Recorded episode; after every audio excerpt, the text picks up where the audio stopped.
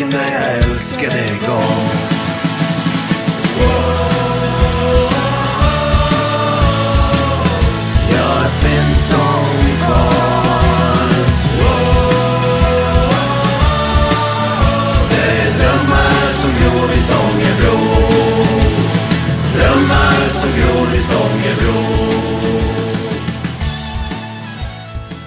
Östergötland har starka traditioner i idrottssverige med flera lag som varit framträdande inom sina diverse sporter. I hockeyn så representeras detta av Linköpings HC. Jag har varit så intresserad av denna klubb, då jag som ni vet har dålig koll på hockey, men en samlad känsla från Hockeysverige är att detta inte är en omtyckt klubb. Men varför är det egentligen så? Idag ska vi ta reda på vart detta rykte kommer ifrån. Vi pratar White Lions som sedan 87 varit en faktor på svenska hockeyläktare. Och i detta avsnitt har vi med oss en gäst som varit ordförande i åtta år. I dagens avsnitt tar Niklas och Jakob med oss på en läktarresa från tidigt 00-tal fram tills idag. Det tar oss med under en läktarflytt, en hel del bortamatcher och förklarar hur en klubb utan guld kan vara så omtalad som den faktiskt är. Vi har mycket att prata om idag, så med det sagt, välkommen till Äkta Fans Podcast, Niklas och Jakob. Tack. Tack så mycket. Hur är läget med er? Eh, mer än bra. Ja, men det, det är väldigt bra. Vi har Käkat gott. käkat gott och dricker bärs, så det, det är som det ska vara. Ja, vi, vi ska ta det här med en gång. Fall ni hör något, något bakgrundsljud. Jag, jag blev glad över, över det här. Ni, ni var riktigt taggade på att vara med, så att ni sitter, ja, ni, ni sitter på puben och dricker öl och spelar in. Det, det har något, ska jag säga. Ja, men det stämmer. Alltså, vi- BL har aldrig gjort något halvdant. Eh, sitta hemma och ha tråkigt? Nej. Vi sitter på puben och dricker bärs. Det är väl eh, det är supportrar som lyssnar på det här, så någonstans så, så har, har folk förståelse. Det är jag ganska övertygad om. Jag tänker att vi ska starta lite grann. Ni ska få berätta lite om era supporterresor. Vi kommer ju komma in och prata mycket om liksom era aktiva år sådär, men jag tänker att i, i ett första läge så vill jag höra, alltså var och en från er, hur ni egentligen hittar eh, LOC. Och ni, det som ska tilläggas här också, att det är ju en åldersskillnad på er, ni är tio år emellan er, så att ni, ni, ni har klivit in egentligen i, i lite olika liksom, ja men egentligen i olika årtionden eller vad man ska säga. Så att berätta lite om, eh, om liksom hur ni hittar LOC till en början. Yes, jag kan ju börja jag som äldst. Det började egentligen med att jag själv spelade bandy eh, i Stångebro BK. Eh, stod på kö i ett par år för att få spela hockey i LHC. Eh, på den tiden fanns det ett, ett lag per årskull. Eh, sen så... Ja, idag, idag finns det kanske fyra eller fem per årskull om jag har fattat rätt. Vi är Sveriges största ungdomsförening eh, inom ishockey. Men på den tiden var det ju hockey man ville lira egentligen. Eh, man lärde sig åka griller bra i bandyn och till slut så vart man antagen till hockeyn. Jag tror jag var 11 eller 12 någonting. Det vart bara någon säsong i hockeyn innan jag började med innebandy dock. Men eh, som offensiv kille i alla idrotter så eh, vart jag lite chockad av att bli back eh, i hockeyn. Men det var ju på grund av skridskoåkningen. Men i samband med det i alla fall så började jag gå på hockey. Eh, då vi alla ungdomar fick gratis inträde till dåvarande Stångebrohallen. Eh, fantastisk arena, eh, ren betong, bra akustik. Men eh, sen har det levt kvar lite, försvann lite under gymnasiet.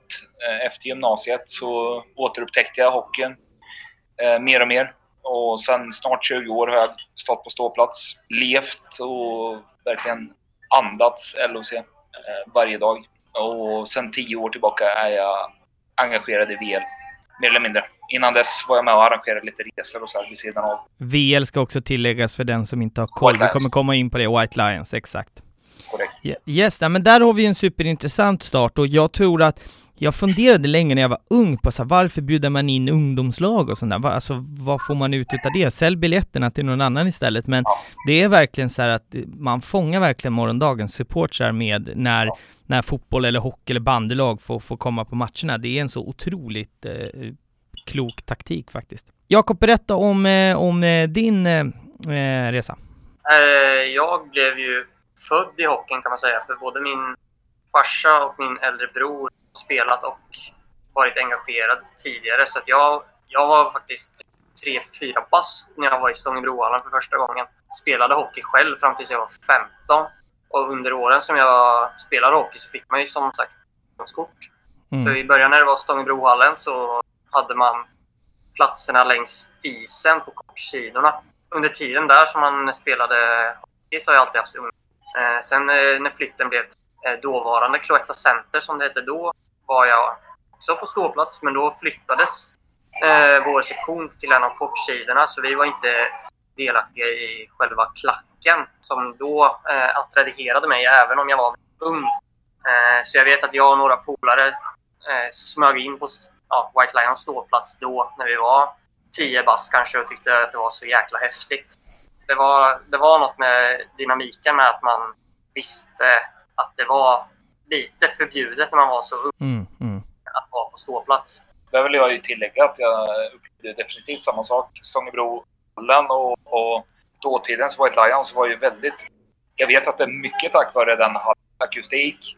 Då vi själva har spelat träningsmatcher. Och det har varit 20 man som står och sjunger mot Skellefteå i slutet av augusti eller början av september. 200 i vår nuvarande arena. Eh, men det är många, eh, jag tror det var senast Sanne Lind som nämnde att eh, det var den värsta arenan att komma till. Mm. Det är ett stort steg att komma in i en modern arena med inte alls den akustiken. Så jag, jag blev lite glad av att Jakob så upp till oss där då, om mm. jag nu var med. Vi kommer ju komma in, till, in på eh, den här uh, arenaflytten också lite senare sen, just vad, yes. vad, vad, vad, den har, eh, har betytt för er och, och sådär. Yes. För att återkommande egentligen i alla avsnitt när man har pratat hockey, det är ju flera klubbar som har gått från de här gamla ishallarna och liksom kokt korv till, till modern hockey och, och så vidare. Det finns ju flera, flera liksom exempel på, vi, vi kommer komma in på det lite senare. Jag har en fråga som dykt upp det här kanske är helt självklart för er, men jag, jag, jag har den faktiskt inte. Ni kallas ju för klubben med C, alltså ja, det, det är ju ja. ert smeknamn. Vart fan kommer det ifrån? Och varför? Ja, det, alltså, det, jag tror inte det härstammar någonstans. Jag tror det har med liksom bara identitet att göra. Att man ville vara lite unik. Och det är gammalt som fan. Alltså, sen namnet blev till okay. uppdagades den idén ganska tidigt. Och att vi heter klubb med C eller U, ja. B. Alltså vi, att vi heter LOC, inte LH, eh, ledde till just att vi kallas klubben. Och du får inte skriva det med två B heller. Det var någon form av... Eh, konstig variant ja, med. Varför? Det, jag vet inte vilken konstig människa som bestämde sig för det, men vi är jävligt glada att den kom. Ja. Ja, första, gå första gången ska tilläggas, vi kommer komma in på det här också, första gången jag snappade upp det här, jag har blivit mer och mer aktiv på Twitter senaste året, kanske två år sedan, två åren ja. eller något sånt där, och då var det någon som skrev 'Fan vad jag hatar klubben' med C och ett B, och jag bara 'Vilka fan pratar hon om? Så, vad är det här? Och sen forskade jag lite, så bara ah, okej, okay, jag fattar. Men jag har en, en rolig anekdot, det här är straight from Wikipedia, men jag skrattade friskt åt det här. Alltså, nu kommer jag faktiskt inte året, men det var väl 79 eller något så här när eh, LHC skulle eh, byta och bli, bli det de är idag så att säga. Och det första förslaget som lo, eh, låg på bordet var Linköpings ishockeyklubb, alltså på svenska, men det skippade man för att det skulle bli inom citattecken en för stel förkortning. Det är så jävla roligt. Alltså att, ja. alltså att de inte vill att det skulle heta lik för att det skulle bli en så för stel förkortning. Det är så jävla roligt. Ja. Ja, då, då låter ju LOC mycket bättre. Ja, ah, men verkligen, verkligen. Där har du kanske förklaringen till, till att supportrar ville, ville identifiera sig med, med jag, jag, vet faktiskt inga. Jag, jag, har inte forskat i vem som går på den klubben med CO1. Men eh, det har, det har levt så länge jag har levt. Min, min, min, min gissning inför var att det var typ 15 år gammalt och att det kom ifrån att eh, eh, Linköping är, eller var åtminstone, var kända för att ha ganska aktiva kategori C-gubbar. Jag trodde att det var någonting som de hade anammat. Det var min så här, ja men det borde väl vara så. Men då, då är det uppenbarligen betydligt mycket äldre liksom. Sådär. Ja, alltså, och sen ska ju tilläggas, alltså gamla White Lions, stora delar av gamla White Lions idag skulle definitivt kategori som kategori. Uh, vi kommer hoppa in mycket på White ja. Lions också, men jag, vi ska faktiskt hoppa in på ett Q-segment och det här har varit en utav Alltså vi, vi ska in på rätt eller snett och lite grunden till den här rätt eller snett är det är klart, jag, jag vill göra alla, alla liksom lag och klubbar, men jag har varit riktigt sugen på att göra, göra liksom i Linköping av, av en, alltså flera anledningar, men en specifik, och det, det, den har att göra med min rätt eller snett sådär. Eh, och för er som inte vet vad det är, nya lyssnare och sådär, det är egentligen ett påstående som jag har ibland lite Stockholmsraljant, ibland kul, eh, och sen är det upp till er att bedöma om jag är rätt eller snett på det helt enkelt. Så här låter veckans. Ni är väldigt hatade i Hockeysverige, och ni älskar det. Rätt eller snett? Rätt. Rätt. Utveckla. Ja, det är, alltså, det, jag blir varm i kroppen av att höra att någon helt oberoende säger så. Ja. För det är precis vad vi vad vi vill. Mm. Sen finns det ju självklart saker som har skett som inte är okej. Okay. Men ja, jag ser att eh, jag ser mycket hellre att, att, att de är ju våra fiender. Liksom. De andra lagen är våra fiender. Mm. Eh, våra antagonister på läktaren är våra fiender. Eh, om man ska leka krig. Ja, det är klart, klart att man älskar det. Sen så, ja, det får, allt har ju sin gräns, definitivt. Mm. Mm, men, men eh, ja, det är rätt. Jag kan dra en eh, story från, jag tror det var, jag vet inte om det var Aftonbladet eller Expressen som gjorde en eh, enkät där de frågade alla supportrar vilken arena som var värst att komma till. Mm, det här kommer jag nog ihåg till och med. tror, jag vet inte om det var Växjö, men jag tror det var Växjö supportrar som sa att de ville inte komma till Linköping för att de kände sig inte välkomna. Eh, det var, när där, de var nya? Ja. ja, och där tycker jag att då har ju vi lyckats. Då har vi lyckats med det vi vill. Sen om det vet jag inte om hur de blir bemötta från andra. Men, eh, vakter och etc. Vakter och så vidare. Men vi, vi tar det som att de inte vill, de vill inte komma hit för att de känner sig inte välkomna av oss. Och det är Nej. så vi ser på det hos alla som kommer till oss. Uh, jo men där, där, kan, det kan jag också skriva under på, jag menar jag, jag som aik om jag går på, på Friends, jag vill att ingen som hejar på något annat lag än AIK ska känna sig välkomna där. Sen är ju ja. det, det välkomnandet är ju att de inte ska känna oss välkomna av hemmasupportrarna. Sen självklart, för att vi ska ha en levande borta resekultur och sånt så ska man ju känna sig välkommen av pubbar, vakter, polisen, de, de ska ju bete sig som folk, men hemmasupportrarna, fan, Alltså då, det är ju såhär, ja, välkomna till vår arena, nu kan ni dra åt helvete. Alltså det, det är ju så ja. som, som supporterskap fungerar.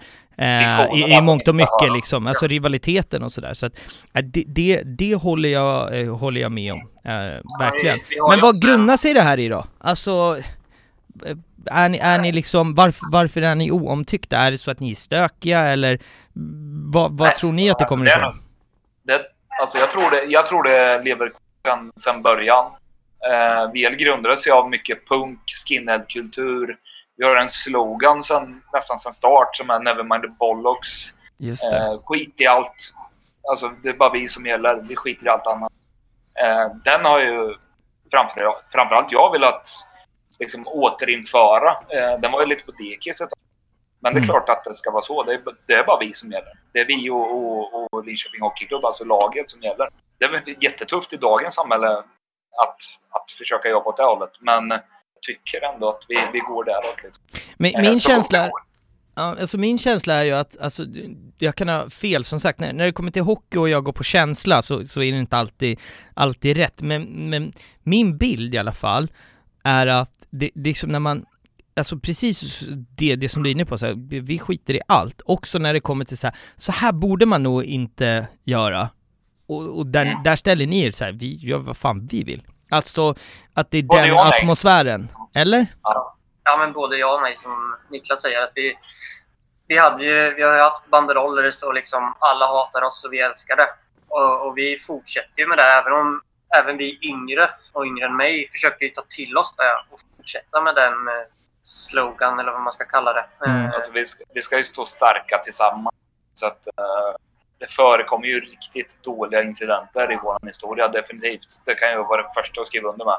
Och det är klart att det skapar ett hat i hockeysverige.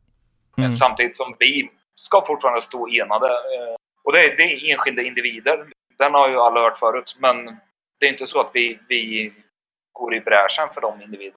Utan allt har verkligen en gräns, men tänd på den så hårt du kan. Mm. Det är okej okay, liksom. Tänja på gränserna. Också ytterligare en känsla var att om, om man pratar liksom kategori C-supportrar och sådana alltså stökare herrar, det har ju funnits inom, inom fotbollskulturen väldigt länge, inte lika utbredd i, i hockeyn.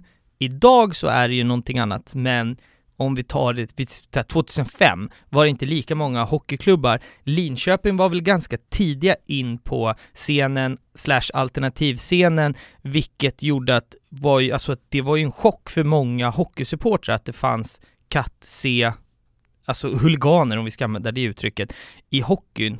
Alltså för att det inte var lika vanligt. Jag vet inte om jag är, är ute och hojar här, men eh, Nej, förstår ni, förstår ni vad jag menar? Nej. Alltså den, den tiden, 2005 är ett bra år nämna ungefär. Då tror jag att den scenen var som störst i, den har aldrig varit större. Eh, och jag vet inte, alltså det kom kulturen i och med att vår läktarkultur härstammar mycket från eh, vi är en akademikerstad, vi är mycket kultur, mycket musik. Mm. Jag tror att det hade mycket, mycket med den biten att göra. Liksom. Att eh, folk anammade verkligen eh, det som hände i England eh, tidigt 00-tal det var, det var fränt att klä sig på ett visst sätt. Det var fränt att lyssna på en typ av musik. Eh, ja, och det ledde till, till det andra så att säga. Mm. Så definitivt, vi var, vi var, det fanns väldigt mycket kategoriserat Nyköping på den mm. tiden. Mm. Nej, det låter väl just, just de åren, det blir lite som vi pratade om i, i, i Baltic-avsnittet där med, med Erik, ja. att det kom ju, alltså det blev trendigt och sen släpptes det två filmer och helt plötsligt så kom det som en bomb att alla dressade liksom och, och det poppade upp eh, Katsi överallt för det var det trendigaste man kunde vara liksom eh, i, i, i mångt och mycket och det, det var min bild i alla fall av, av den tiden, jag var ganska ung då men att, att det poppade upp och växte sig ganska starkt i Linköping och det störde folk, typ så. Det är, det är min bild kanske varför, eh, alltså det var min take på varför folk ja. tycker illa om er, typ så att ni har varit drägga på läktaren eh, en del. Liksom. Jag tror att eh, större klubbar, likt Djurgården, AIK, som också kanske hade den kulturen innan, de var inte beredda på att en mindre stad skulle ha liknande. Nej. Eh, just därför vill ju de större klubbarna också visa upp sig från sin bästa sida på den scenen. Mm. Mm. Och, eh, de mindre klubbarna blev tyckte att vi betedde oss som skit på grund av det.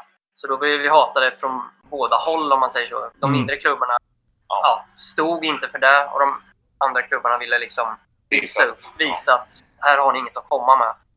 Så vi blev hatade från båda håll om man säger vi är fruktansvärt hatade av Djurgården liksom, och jag tror att det har levt kvar sedan dess. Ja. ja. Nej men det finns ju en rolig, vi ska väl inte gå in så, så djupt eh, på det och jag vet inte hur bra koll, alltså ni, ni har säkert koll på det, jag har säkert polare som var, var med, men det, det var väl någonstans mitten 00 där, där det startades upp två, två katsiga grupper i, i Östergötland med, i två städer som var väl, jag vet inte hur länge det är, långt emellan, men i Norrköping och Linköping och sen diverse YouTube-filmer senare och diverse påhälsning från en, eh, en, en, en, gruppering som gillar att klä sig i orange som åkte till Östergötland så, yes. så var det jävligt, eh, jävligt stökigt det där under, under en, en tid så att eh, ja, det är... Jag vet, eh, jag vet typ alla detaljer. Ja, vi behöver inte, det, det Nej, behöver vi inte gå in på så jävla djupt, men det, det finns ju en, en historia runt det som sagt. Men jag tänker att vi ska studsa vidare lite grann.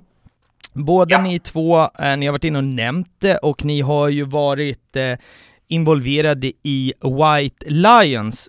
Som jag förstår så är det här inte den officiella supporterföreningen. Är jag rätt på det då? Ja.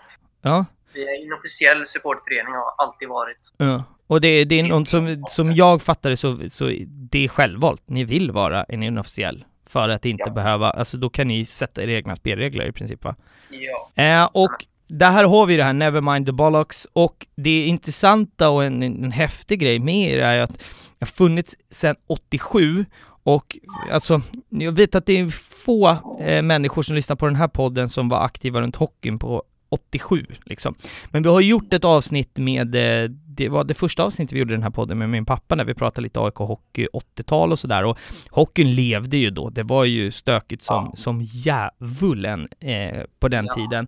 Eh, jag tänker att vi ska ta som ett sjok här och prata lite White Lions. Eh, berätta bara så här först och främst vitt och brett, vad är det för typ av gruppering, vad gör ni? Alltså, bara, jag har ingen aning vilka White Lions är, berätta det för mig och lyssnarna. Eh, alltså White Lions är ju en bred grupp av människor egentligen. Eh, där vi har välkomnat väldigt många nykära hockeyälskare eh, som har blivit kära i ståplats. Vi försöker inkludera alla i ja, åsiktsmässigt. Det uppstår ju självklart eh, diskussioner kring saker och ting. Men från början är det ju en eh, alltså ett gäng som började åka på, på hockey. Eh, och gjorde det inte särskilt länge förrän de insåg att vi måste göra något organiserat av det här. Där har vi ju bland annat Peter Biffet Karlsson som har varit eh, presschef inom LHC och annat eh, efterhand. Eh, som var med och grundade. De var ett, ett kompisgäng i alla fall som tog tag i det hela. Eh, och sen dess har det ju liksom, alltså det, det skedde ju saker i de lägre divisionerna, division 2 och division 1 mm. eh, på den tiden. Eh, resorna man hör om eh, låter ju som både värsta drömmen och eh, värsta mardrömmen. Men man vill väl kanske, eller jag i alla fall, jag vill kanske återskapa lite av det fantastiska de upplevde, även fast det är mycket svårare idag. Mm. Eh, men vi jobbar ju i alla fall mot att ha en kultur som handlar om eh, Ja, den är lite old school som jag skrev till dig innan. Mm, mm, mm. Eh, det som vi har välkomnat som kanske inte är brittiskt som allt annat är egentligen. Vi har totalt trumförbud. Vi har varje år några supportrar som skriver i forum eh, önskemål om trummor etc. Eh, det röstas ner grovt ganska snabbt. Jag tror det är vi och Rögle som inte har några trummor. Vi... Södertälje ja. också har jag förstått. Ja, ja stämmer. stämmer. Eh, nu pratar vi SHL då. Södertälje är inte i SHL. ska de veta. Ja, det ska de veta. Det ska de Nej, men vi saknar dem faktiskt lite också. Vi mm. hade ju väldigt många härliga duster med, med Tälje. Men, men eh, det handlar ju mycket om, eh, om eh, den brittiska kulturen, läktarkulturen och stilen. Eh, sen har vi anammat sen... Ja, alltså det började med lite tifo på 90-talet, lite smått då och då. Eh, växte fram en tifogrupp 06-07 ytterligare. Eh, De tog väl efter en tidigare mindre gruppering. Precis, mm. precis. Blev större, det blev flera. Och idag tycker jag mig se... Jag älskar ju tifo alltså jag är väldigt Italienkär själv. Eh, den delen av kultur är fantastisk. Samtidigt som jag gillar England också. Det här lite roa, groa liksom. Mm. Vi, vi, skulle ju kunna säga att vi är ganska känslostyrda på läktaren. Definitivt. Eh, om man jämför med många andra så kan de... Ibland kan man få känslan av att de sjunger ur ett sånghäfte och bara rullar på. Medan vi, vad som händer på isen eller vad som händer på läktaren. Och där skiljer vi oss ganska mycket från många andra.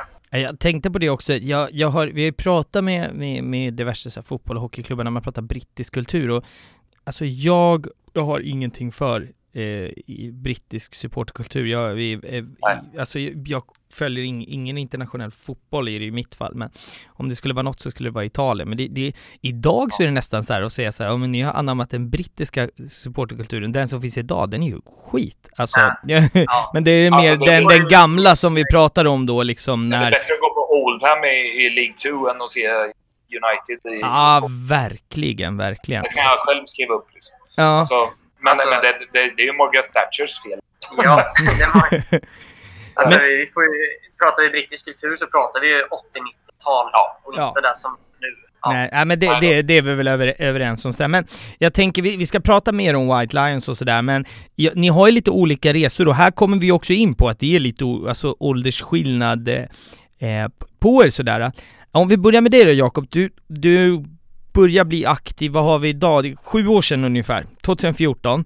Eh, du har oh. gått på hockey länge, men här någonstans så, så tar det ju, det blir väl vad ska man säga, fas två av ditt supporterskap och du, du är med i och runt eh, White Lions.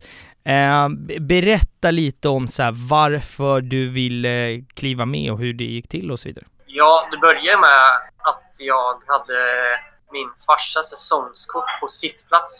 Eh, han jobbade i LHC, så han fick säsongskort. Så att jag, jag hade en sittbiljett tack vare honom. Mm. Och sen så när jag och min yngre bror började gå mer och mer ihop så började vi känna att fan, vi borde ta oss ner till storplats istället för det passar bättre. När det mm. handlar om att eh, emotionellt hänga med i matcherna så borde vi... Ja, vi fick mycket blickar på oss om man säger så när vi satt på sittplats. Så att vi, vi kände att liksom, vi, vi hör hemma på ståplats. Så vi tog oss ner där. Min lillebror hade några vänner där som han visste var där. Så vi, vi, vi blev bara en mindre grupp som var där. Och sen eh, åkte jag på eh, min första bortaresa. Kommer jag inte ihåg vilket årtal det var, men jag, jag vet att det var HV i alla fall. Där jag kände direkt att jag var, ah, det var här jag skulle varit för fem år sedan. Mm, mm. Började engagera mig mer och mer. Min yngre bror, som också sitter i styrelsen i White Lions, var med och startade upp den nuvarande TIFO-gruppen som jag hakade mig in på efter några månader och eh, kände redan där att engagemang, säga, inte tog över mitt liv, men att eh, jag, eh, ja, men jag brann för det så mycket Mm, så att det, liksom, mm. det var naturligt för mig att bara fortsätta. Mm, Eh, mm. Så från, ja, säg sju år sedan så började jag ju matcher och stå på ståplats. Ja, aktivt också hålla på med TIFO-grupperingen som Ska, startades. ska vi ta bara för, för ordningens skull, hur gammal är du? Eh, ja, hur gammal är jag? 26 är jag nu. I, så för sju år sedan, var jag, jag hade, jag hade precis tagit studenten. Så Ah, att jag okej. tänker, många andra kanske började sina eh, ståplatsår 15. när de var 15. Ja men exakt, det, det var det här jag, jag räknade lite på det, jag visste inte exakt hur, hur gammal du var men det är det, det som ska tilläggas här, precis som du är på väg in på, är att det, är- du startade ganska sent. Ja, exakt. Ja, man kan säga jag var fem år eh, efter många andra. Men eh, Då har du tagit kapp. jag, jag, ja, exakt. Kapp där nu ganska hårt med tanke på engagemanget som jag haft. Så, sen kom jag in i styrelsen tre, fyra år sedan. Fick Mm. sitta där. Eh, Då var vi också, det var några kompisar som också varit invalda i styrelsen. Så vi Mm. var som en liten yngre, Det började ju egentligen med att ni var representant för TIFO som gick under VL för första gången på många år. ja. Och sen på den vägen har jag upptäckt, eh, jag med flera, hur eh, briljant hjärna den här jag. Nej, jag bara nickar. Ja, det är fint, det är fint. Men eh, om vi, om vi tar dig då Niklas, du, eh, Ja. du har ju, du har också, du har 20 år på ståplats, du har 10 år Ja. i White Lions, och du har alltså, du har ju styrt skutan och varit ordförande i 7-8 år skrev du, jag sa väl 8 Ja. i introt Ja, kanske, det är men alltså lite oklart, för jag var officiellt eh, eh, så är det väl sju år kanske. Och sen är det något år där jag klev in som eh, vikarierande ungefär eh, tillförordnad för Mm. att eh, personen som var ordförande flyttade hem till Norge på den tiden. Lite akut. Så någonstans där är det i alla fall. Men innan dess, jag, alltså VL har alltid, jag har ju varit medlem i många år där innan, rest med VL. Sen hamnade väl vi i någon sits där alltså jag och en av mina dåvarande bästa vänner fixade en egen resa. Jag tror det var till- Karlstad faktiskt. Fixade en egen buss med vänner liksom. Och Mm. då träffade vi dåvarande styrelsen. Och efter det arrangemanget så vart vi tillfrågade och kliva med. ja. Och på den vägen hamnade jag i, i styrelsen. Mm. Eh, men- du, men du skrev är- någonting intressant här också. Du skrev att du har missat max 10 hemmamatcher på 15 år. Det är bra siffror. Eh, du Ja. är ju då, om du Jakob är 26 så är du Niklas 36. Vilket eh, betyder att du ja, men sen tidig 20-årsålder har gått på allt. Jag går också, alltså jag, jag missar aldrig AIK hemma till exempel, men just med hockeyn är det ju för fan 11 matcher i veckan typ. Hur får man ihop, alltså hur får man ihop Det det? varit, vad fan har det varit? eh, 25-26 om året i grundserien. Mm. Men jag räknar in, vi hade ju många år med slutspel också. Ett minne blott idag. Eh, men eh, ja, ja, det är, det är mycket matcher. Det är ju, om man slår ut ett snitt så är det väl kanske 28, 29 hemmamatcher per säsong. Eh, Mm. Gånger 15, 14, 15 någonting. Ja, Mm. Någonstans där. Eh, och då har det varit, det har varit sjukdom eller eh, resa som har stört. Ja, jo, men jag fattar. Det är väl, ehm, äh, det är så här, anledningen till att jag vill ta upp det är att det är imponerande siffror. Äh, och äh, någonstans så, alltså, de, om, hur fan ska jag uttrycka mig? Så här, av, av de som jag har närmast i mitt kontaktnät är ju, är ju liksom supportrar till, eh, till Stockholms fotbollsklubbarna, alla de tre. Och det som är intressant och den feedbacken jag får är ju att här, alla börjar inse att man är ganska så här, man har varit Stockholms raljanta och det inser jag också, men det är kul när andra ser det och att så här, fan vad bra killar och tjejer det finns ute i de klubbarna som man bara för att man hejar på AIK, Djurgården eller Hammarby att har det så här, men man har varit raljant helt enkelt. Och ö, alltså det är en siffra, att ha missat max 10 hemmamatcher på 15 år, det ska fan creddas. Alltså det, det, och har varit ordförande i i, i inofficiella supportergruppen ska jag säga då, eh, i, i åtta år. Alltså det, det Eh, engagemanget som finns är ju otroligt och det är återigen det är grunden till att jag vill göra den här podden och liksom prata med människor som fan lägger ner halva sina liv för sina ja. klubbar liksom. Mm. Eh, är riktigt imponerande siffror sådär. Jag, jag tänker att... Ja. där. Det är ju det, är ju det här så har jag inte varit på plats eh, så många matcher som jag hade önskat.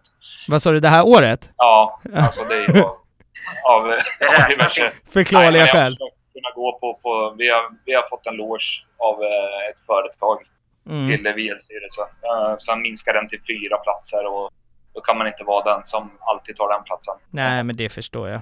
Men innan i år om vi räknar så då. Ja. Uh, Nej men det, det, sen Corona är man fan ursäktad. Och för de som har ja. så här stående rekord och sånt där, då, då pausas ja. det ju bara.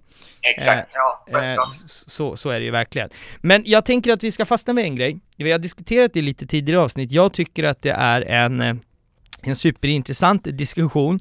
Eh, just det här med trumförbud jag la ju ut en poll för, för, ja vad fan blir det nu då, en månad sedan kanske, där, där folk fick uttrycka sina åsikter på, på via Instagram då. Och eh, någonstans så, det folk säger är så är man väldigt lite folk så förstör är man väldigt mycket folk och en röststark klack så kan det vara bra. För mig är ju jättekonstigt. Jag tycker till exempel, man diskuterar mycket trumma om man pratar upp i Stockholm, som Djurgården som har ett sånt beslut där jag tycker att, att de inte har trumma hämmar deras klack något överjävligt till exempel. Eh, vad är eran take på just det här med, med trumförbud och, och varför är man så liksom hård på den eh, biten? Jag kan börja där. Eh, min syn på det hela är sjukt många arenor där det verkligen har förstört. Och skulle det hända en gång på tio och så skulle jag bli tillräckligt less på skiten för mm. att tycka att nej, det är inte värt, det är inte värt att testa. Liksom. Jag fattar. Det är klart, vi har haft några dåliga år med återväxten och något som verkligen jag som ordförande har fått jobba med. Och generationsskiftet. Jag hörde ju några mer prata i, i, i dina. Mm.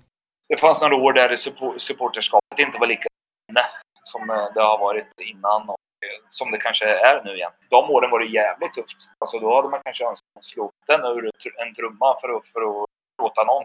Mm. Men, men eh, det handlar ju mest, det handlar ju mest om det att jag, jag tycker trumma i en arena på fotboll är det något helt annat. Alltså, det är utomhus, det är stora klackar. Det finns bara en stor ståplats egentligen i Hockeysverige. Det är ju som inte är en ståplats egentligen.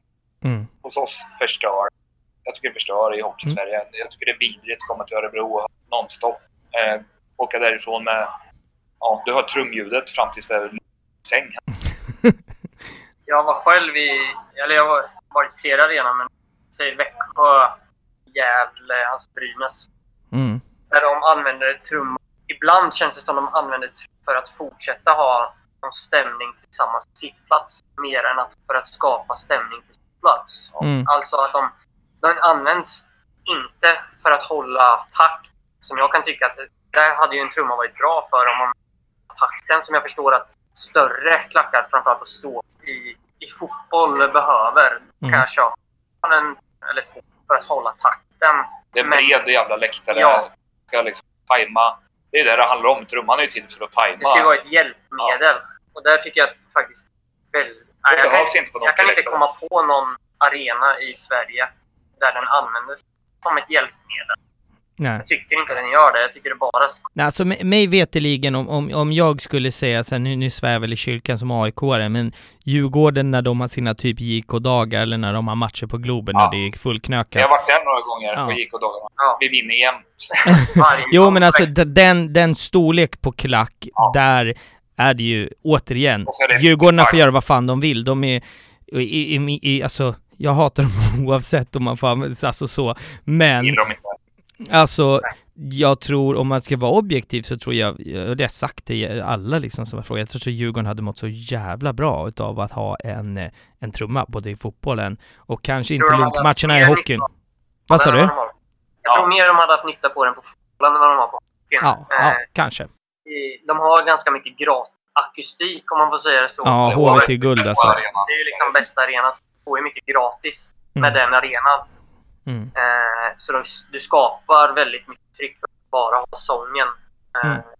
Jag vet att, nu, nu var inte jag eh, med på den tiden, men jag vet att det har testats trumma i både Stone och Saab. Och det har inte funkat akustikmässigt eller sångmässigt. Så det finns ingen anledning att försöka ha den diskussionen överhuvudtaget. Ja, jag fattar. Tillägga att det inte testats under match. Ja, men exakt. Inte under match, men vi har testat. Ja, jag, jag, jag, jag förstår helt och, eh, och hållet. Jag ville bara bolla upp den, för jag, för jag tycker att det är en intressant diskussion och det är intressant att höra eh, eran sida på saken eftersom ni är ju väldigt övertygade i, i, i eran tes och jag håller med i, i, i mångt och mycket men slår man ut det över alla SHL-lag sådär så, så är ni ju i inte i majoritet om ni förstår. Nej. Det är fler klubbar ja, som har det, vilket gör att när man väl får chansen att, att, att prata om det med en klubb som är väldigt mot det så blir det ju intressant att höra Men, dem man skulle kunna säga, Man skulle kunna säga så här, när vi är på bortamatcher och vi är i Gävle, vi är i Örebro, vi är i Växjö, vi är i Jönköping. Då är de som är väldigt hårda med trummor. Man mm. skulle kunna säga, ja, Frölunda också. Man skulle kunna säga att vi hör ingen skillnad vilka det är vi möter. Det är Nej. samma ramsmelodier och det är samma... Man hör inte vad som sjungs. Man hör inte vad som sjungs och det är trummor bara. Mm. Ofta när vi är iväg, vi är väl så pass många med så att du har väl bara dem omkring såklart. Så det, det dämpar en hel del. Men, men man upplever ju där och då att det enda de andra har att komma med är en trumma. Ja. Mm. Och det, där kan vi köpa, alltså där kan, den kan vi ta alla dagar i veckan. Hellre än att de försöker sjunga ut oss. Vi var i, i Jönköping för några år sedan och då var vi ganska många på bortastå så att vi, vi sjöng ut dem ganska bra. Och då började först deras DJ med att köra musik. Sen så började deras trumma, trummis med att trumma. Mm. Bara för att döda eran Bara för att döda vår Ja. ja men då, då används den ju på fel sätt egentligen. Vi, ja. Jag tänker att vi ska studsa vidare från diskussionen, men det, det var intressant att, att bolla upp den om inte annat sådär. Ja. Ni, det, det som, så som jag har förstått, ni skrev lite lätt, jag har inte så mycket mer info om det här, ni får berätta själva, men det har ju, ni hade en generationsväxling som, som skulle ske på läktarna, eh, eller ja, hos er, men som inte riktigt liksom, som slog lite bakut och inte blev så lyckad som ni hade hoppats. Berätta om det. Ja, alltså den, den är, jag tror den hand, den är nästan två om... generationsväxlingar. Ja, det, det, är definitivt två. Alltså jag har kring min ålder en ganska stark mängd av personer som, som eh, fortfarande är delvis aktiva. Men framförallt på den tiden så var vi väldigt många i min ålder som, som stod och kanske var initiativtagare på läktarna. Eh, sen så blev det ett glapp på fyra fem år eh, vilket är okej. Det, det, det skiftet var liksom överkombart. I, I samband med flytten också ja, från Stångebrohallen ja. till eh, dåvarande Det var, det var den stora grejen först. Men det gick ganska fort för att i Stångebro, var, där fanns det en hierarki som var av en annan värld. Eh, och då var det 70-talister som, som ägde läktaren. Eh, många av dem är mina vänner idag. Eh, då står jag och var livrädd och såg upp till de här människorna. Men många av dem kommer ju åter idag fortfarande, eh, vilket är underbart. Mm. Men i det här skiftet som hände då, då valde de att köpa sittplats i nya arenan och tänkte lämna över. Bara eh, knäppte jag med fingret verkligen. Eh, på, på nolltid. Och eh, så går det ju inte riktigt att göra. Eh, jag, jag, är inte insatt i hur tankarna och, och, så gick då kring att lämna över till nya. Men, men det vart ju ett, ett stort steg såklart. Eh, sen kom det ju en eh, generations... Alltså det, det har de med samhället att göra. Som du nämnde tidigare, lite alltså supporterfilmer som kom. Det var ju det mycket kategori C, men sånt, sånt fångar ju upp unga människor, liksom, unga ja, grabbar. Den kulturen försvann ju för en cirka tio år sedan. Mm. Eh, ganska drastiskt. Och i det sambandet vart det ju ett, ett glapp. Tills liksom Jakob, det här kompisgänget, eh, drog med sig flera har ju växt fram idag och det kommer, det kommer verkligen eh, varje match. Eh, yngre och yngre killar och mm. tjejer mm. också. Så det är, det är riktigt roligt. Ja, men eh, härligt. Hade du något att tillägga där, Jakob? Nej, men jag kom ju in där för tio år sedan om man ska säga. Men jag, jag kan ju bara gå till mig själv och mina vänner som jag har utanför hockey. Många av oss gick på, på hockey när vi själv spelade eller fick tag på biljetter via alltså, alltså hockeylaget. Så. Eh, men sen så dog det ut ganska och jag tror det är där generationsväxlingen så dog ut samtidigt. För mm. om man kollar idag så är många av mina andra vänner inte på samma sätt som jag går. Nej. Eh, sen så får man gå ner ytterligare kanske tre, fyra, fem år från min ålder. Den generationen som kommer nu och sen ytterligare yngre, där står vi ju starka just nu. Mm. Jag vill säga. Eh, och fortsätter nu Mm. Nej men det blir väl ofta så att det kommer in en grupp med, eh, med folk där alla är skittaggade till början och sen faller det ju av. Det kan ja. vara så att man, att det kommer in 40 nya, alla är skittaggade och sen vann man inte guld. Året efter så är man 35, tre år senare så är det 12 kvar, men det är de 12 man vill åt, så är det ju bara. Eh, för att det, det står 20 nya och fyra år senare så är det fem kvar utav dem. Alltså det blir ju så att folk faller ju av, det är väl inga konstigheter med det sådär. Eh, intressanta, eh, intressanta tankar. Och där var vi tillbaka hörni. Det, vi har ju som sagt, som vi sa tidigt i avsnittet där, våra två kära gäster sitter på puben och dricker öl, så de var tvungna att ta en liten pisspaus. Så att, eh, ja, vi får se hur vi klipper ihop det här, men det löser vi på, någon, på någon vänster. Eh, nästa grej jag tänker att vi ska studsa in på är en sak som vi har pratat i flera avsnitt om, som många supportrar stör sig extremt mycket på, där ni faktiskt har fått rätt gentemot eran klubb. Eh, alla hockeysupportrar i princip som är aktiva ståplatsfolk, de hatar typ sin DJ. Och det ni har lyckats med är att få bort just det. Det är liksom inget Avicii när det inför tekning och sånt där. Berätta hur det här har gått till, varför och hur fan ni fick till det, så ska vi se om det är några andra supportrar runt om i landet som kanske kan lyssna på er och ta efter. Egentligen så hade det med att göra med vår återväxt på ståplats där, eh, där vi fick till bra sång eh, i längre stunder. Där LOC, alltså arbetarna själva kände att fan, vi, vi ska inte avbryta det här mer. Vi har tjatat flera år på att de ska ha mer känsla för när de sätter musik. Sen gjorde de det väldigt lätt för sig själva att bara ta bort det helt och hållet. Så det enda som kommer från deras håll, det kan vara när det är någon eh, reklamjingel eller liknande. Men annars så är det vi som, vi, vi styr säga, arrangemanget med ljudkuliss. Eh, och det är någonting som eh, ja, vi, ja, men vi, när det väl kom fram så var vi... Chockade det, ju egentligen. Ja, ja chockade mm. till en början. Eh, liksom, för det, det, det, det, var inget man trodde skulle komma fram, eller komma, att de skulle komma fram till det. Eh, men eh, när det väl kom fram så tror jag att många som var, man tog ett större ansvar att sjunga. Sen några år tillbaka har vi fått en eh, capo. Så, äh, vi har haft capo tidigare, men han kommit nyligen har gjort det jävligt bra. Och det är Sveriges bästa hockeyröst. Ja, alltså, rösten... Han, Sveriges bästa. han skulle Lätt. nog kunna sjunga ut många själv, om man säger så.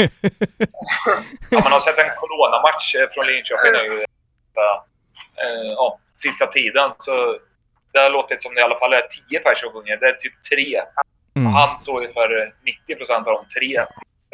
ja. Nej, men han, han har gjort det jävligt bra med eh, flera. Ett tag där så var det, det var lite säga, löst folk som var på, i, eh, i vår korg, som vi kallar det. Ja. Där olika, liksom. Och då kunde det vara lite man säga, eh, olika typer av kategorier som stod där. Så alla ville inte vara med och sjunga, om man säger så. Nej. Men när han klev upp där så fick han med... Man skulle kunna säga att han fick med alla. Mm. Oavsett vad det, vad det står för i grunden så fick han med alla att sjunga. Vilket gav ett jävla lyft för oss. Som gjorde att eh, LOC själva tog... Alltså det, det är ju faktiskt deras initiativ själva. Mm. Musiken, även om det är... Utan att prata med oss ja. egentligen innan och berätta om det. Så mm. hände det bara.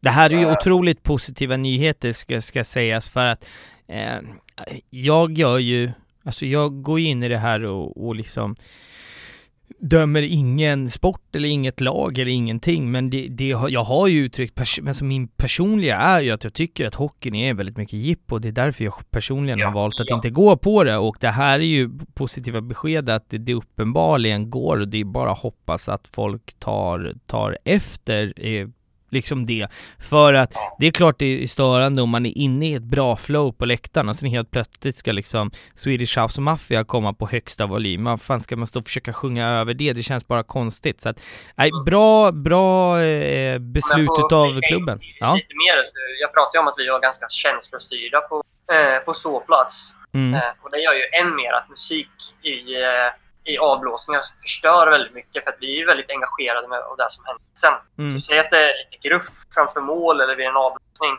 Då är, då är vi ganska snabba på att engagera oss på det. Mm. Och skulle det då komma in musik så skulle ju det direkt förstöra väldigt fort. Väldigt, väldigt glad att LHC själva tog det initiativet. Även om vi det är ju tjatat på dem att ha mer känsla så har ju de ändå tagit eget initiativ att bara stänga av om man säger så. Alltså mm. läktarsång handlar ju mycket om timing och eh, någonstans finess, finurlighet. Den är ju svår då.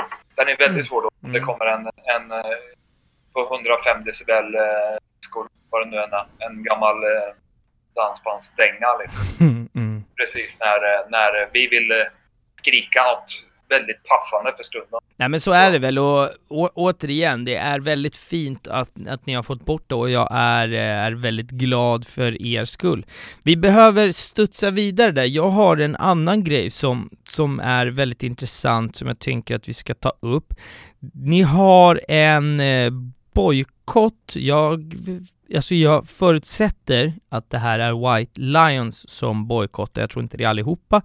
Eh, men ja. 2013 så har ni en bojkott eh, ja. på grund utav, som jag förstår, ordningsmakten. Berätta vad, vad, liksom, vad händer för att ni ska göra den här bojkotten och hur, eh, hur ter det sig så att säga?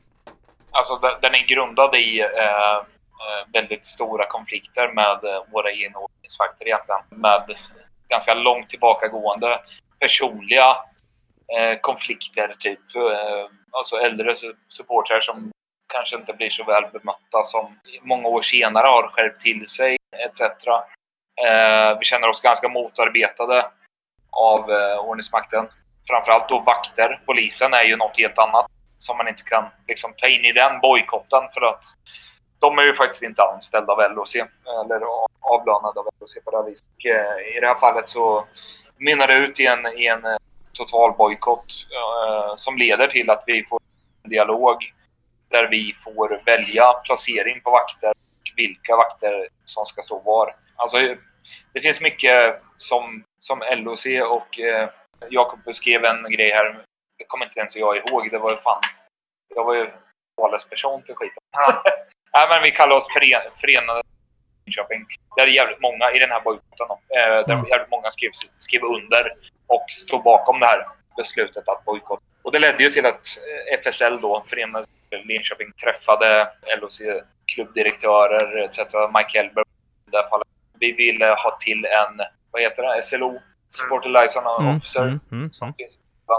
Det var på tal att införa alltså ett, ett krav på en halvtids-SLO i SHL ett tag eller mm. dåvarande elitserien eller vad det hette. Vi var faktiskt uppe på ett studiebesök, jag och en vän med Mike tog med oss upp på Djurgården, så vi fick träffa Djurgårdens och eh, Helsingborgs SLOer och sitta med på deras möten innan match och efter match och så vidare. Eh, mm. Så det var väl ganska långt gånget att vi skulle ha en. Jag vet att HV ska införskaffa den. Och det, det var väl en bra tanke liksom och jag tror att det skulle bli Jag har en pappa som jobbar på SPFF eh, som matchdelegat sedan många år och han tycker ju att SLO är bland det bästa som har hänt eh, organisationen kring, kring matcher. Mm. Och, och, alltså, du får en annan inblick i, i, i supporternas del i det hela. Eh, så det, det, det, blev inte av, men däremot så fick vi vara med och bestämma det här med vakternas position och vilka som stod var. Och sen dess är vi där och det är en väsentlig skillnad positiv. Nej men det, det är ju intressant, det har ju varit, alltså återigen så här så en anledning till att jag verkligen så här, jag, jag blir Det är kul att göra den här podden för att jag får höra stories som jag annars hade inte inte hade fått höra. Och det här är sånt som egentligen, om vi inte spelade in det här så hade vi lika gärna, jag hade kunnat sitta på puben med er just nu och eh, ja. intresse, in, intresserat lyssnat. Och det är så jäkla intressant för att, jag menar, jag har också varit med om så här bortaresebojkotter, bojkotter, man har tysta derbyn och så vidare. Och det här, man är så jävla mycket i sin egen bubbla i sitt lag och det, det är intressant att samma problem har ju liksom alla klubbar. Eh, och det intressanta här som det verkar, just det, ni är inte de första som säger att det är enskilda enskilda vakter har problem med enskilda individer, att det är personliga grejer snarare än någonting annat. Det är, ja, om jag bara får gissa, så har väl det att göra med att det är en lite mindre stad där folk vet vilka fan varandra är. Alltså i, i ja. Stockholm så tror jag att det är svårare, det bor nästan två miljoner människor här. Man är lättare att vara anonym här än vad det kanske är i Linköping till exempel sådär. Ni är ju också, ni, ni har rest en hel del på, på bortamatcher båda två utav er. Vi ska in på away days eh, och prata eh, lite bortamatcher. Det här har ni ju staplat upp att ni har, ni har plockat ut två bortamatcher var som är unika för er. Så jag tänker att vi, eh, Jakob du får mikrofonen först och sen eh, hoppar vi över till dig Niklas. Du ja. har Jakob valt eh, Färjestad premiär. Du har skrivit tre till fyra år sedan, det kan jag uppskatta ja, när man inte vet exakt hur många år sedan det är, men det uppskattas. Eh, ni åker två till tre bussar och sen står ni är lite för taggade, det är den infon jag har. Berätta om eh, Färjestad borta för tre eller fyra år sedan. Ja, men eh, vi var under den tiden så hade jag ihop ett jävligt skönt gäng med polare där vi var kanske 20-25 man. Ja, vi var alla runt samma ålder. Väldigt, som jag skrev, väldigt, ja, lite för taggade inför den matchen. Vi hade tillsammans beställt egna jackor. Svarta jackor med Linköpings gamla logga på bröstet där vi tyckte att... Eh, eh sjukt snygga. Ja, de är sjukt snygga. Men vi, vi var jävligt stolta över dem när vi, alltså en resa till Karlstad tar tre, fyra timmar. Tre timmar. Ja, eh, så det, var, det hade ju, vi hade fått i oss ganska mycket. Och sen att det var premiär gör det ju att man har ändå väntat sen april till att få gå på hockey igen. Så vi var väldigt taggade till en början. Det började ganska tidigt med att, jag kommer aldrig säga några namn här, men det var någon som fick idé, tyckte att det var en bra idé att kasta ut en, någon typ av banger, smällare, ut genom bussen när vi anlände. För att visa att nu är vi här, om man säger mm. så. Mm. Redan där börjar det ju bli lite så här, fan, eh, nu, är, nu är vi här, tänkte nog många. Eller nu är de här, säger så. Går upp på ståplats, vi kör vår grej, vi är, den är i princip fylld. Det börjar på sämsta möjliga sätt med att Färjestad gör mål efter det. Där. Man kan säga att för de som har varit i Karlstad vet att eh, bortastå är snett över hemmastå. Vilket gör att man får ganska tidig kontakt med eh, ja, borta och hemmasportrar får tidig kontakt med mm, andra. Mm. De eh, blir väldigt, väldigt glada man säger så, när de gör mål. Vilket helt rätt. Jag hade reagerat exakt likadant. Men det var någon som fick en briljant idé att försöka klättra ner på deras plats. Vilket är i princip omöjligt om man säger så. För att det är som sagt våningen över. Mm. Så det är liksom en fall på typ fem meter om du ska ner därifrån. Själv också, eh, det är också stökigt. Ja, helt ensam. Eh, men vi, vi ser ju det. Så vi, vi fattar ju direkt att han kommer ju, han kommer ju bli plockad av ordningsvakterna. Så en ordningsvakt, han är faktiskt ensam, vilket också jag kan tycka är väldigt konstigt. Att han är ensam vid det här hörnet. Mm. Om man ens ska vara där överhuvudtaget kan man diskutera, men han... Uppenbarligen skulle han göra. Han skulle ju vara där och börja slita. Och då börjar folk runt omkring mig slita i ordningsvakten vilket resulterade med att han blir av med sin mössa och han blir av med sin walkie-talkie eller liknande som kastas. Ja, ja. Vilket också sen resulterade med att det kommer ganska mycket folk, eller ordningsvakter och poliser kommer inrusade ganska Och där kan man ju säga att de tar över makten rejält. Vilket slutar med att jag tillsammans med en annan ligger typ på nervänd i en trappa och vi blir för, ja, för de som har varit där vet att det är några trappor ner för att komma ner till eh, barmark om man säger så. Mm, mm. En polare till mig, som det, det är ju ganska, säga, vi kompisar emellan tycker ju det är skitkul. Det kanske är svårt för andra att förstå. Eh, han hade han haft nackspärr i, eh, i två dagar eller något liknande, så han har skit i nacken och kan typ inte röra huvudet. Han hamnar emellan, vilket är också jävligt oturligt. Han hade ju egentligen ingenting med det där att göra, men han hamnar emellan. Som folk vet så kan det ju bli lite missförstånd mellan eh, ordningsvakt och supportrar. Så han hamnar ju emellan och blir tagen. Vilket gör att han blir ganska aggressiv, för han har så jävla ont i sin nacke. Så han, han eh, under tiden han ligger på backen så får han panik för att det gör... Så de tror ju att han... Eh, ja, men gör motstånd typ? Ja, att han mm. gör motstånd. Men det är ju inte det som händer, utan han får ju som panik för att det gör så jävla ont. Och det roliga är att en polare till mig ligger på andra sidan. Om man säger så här, eh, vår buss och sen så ligger den här killen på andra sidan bussen på backen och den andra killen ligger på andra sidan backen. Så de ser ju varandra. Ja, under bussen eller? Eh, ja. ja. Så det ser ju ganska roligt ut när han ser honom där och har sån jävla panik för att han har så jävla ont i sin nacke. Och ingen fattar att det är det som är problemet. Utan han har inte gjort något fel egentligen. Utan han, han, han var ju på fel plats vid fel tidpunkt om man säger Mm. så. Och det skiter ju vakt och poliser De lyssnar Det skiter man fullständigt i. ja. Så det slutade med att han vart ju omhändertagen och fick sitta eh, i arrest resten av matchen och vi fick hä- hämta upp honom. Eh, men eh, alltså På grund av nackspärr. på grund av nackspärr. Och det, det, alltså, vi kan ju snacka om en, det, än idag hur jävla roligt det var att se han sprattla omkring där med sin nackspärr. Ja, det är en, det är en stökig nackspärr som är satt Ja. i trubbel. Alltså det är ju oturligt för honom för ja. de var ju ganska hårda om man säger så. ja, men det är väl de Eh, alltid. och hela, alltså, hela den resan blev jävligt stökig. På så säga. Alltså det var flera På som något, hamnade... på något konstigt alltid stökigt när vi är i Karlstad. Ja, Ja. alltså Karlstad. Det är ofta det händer grejer när vi är där. Om inte vi gör något dumt så blir vi attackerade. Det, Det är liksom... Jag vet inte varför egentligen det händer någonting. Men det är alltid någonting som händer och det har hänt i generationer. Mm. Eh, vi, vi pratade om det igår. Några som sitter i styrelsen som är lite äldre. De var ju med.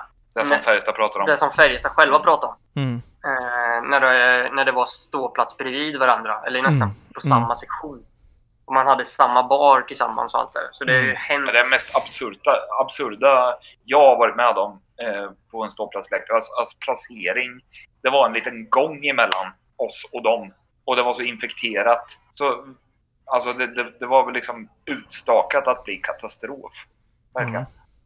Jo, det alltså det, det, det är också som är grejen just med, med eh, Karlstad som, eh, eh, som, som stad och varför det kan ha blivit stökigt där. För er som är nytillkomna och inte har lyssnat alla avsnitt, jag, jag bara kan eh, tipsa er om att lyssna på Baltic-avsnittet och Värmlandsalliansen kan ju ha att göra med eh, det spontan känsla utan att vara Absolut. Ja, Karlstad-expert eh, sådär, men jag har, jag har suttit ner i en och en halv, eh, två timmar och pratat eh, huliganism i Karlstad, så att jag, eh, ja, det kan ju ha att göra med, eh, med det spontant.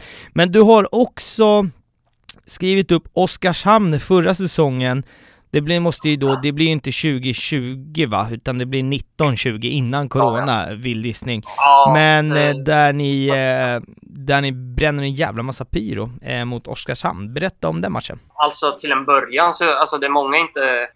Alltså många som är utifrån kanske tror att det är det enda det handlar om. Men hela resan var ju jävligt fet för att vi var...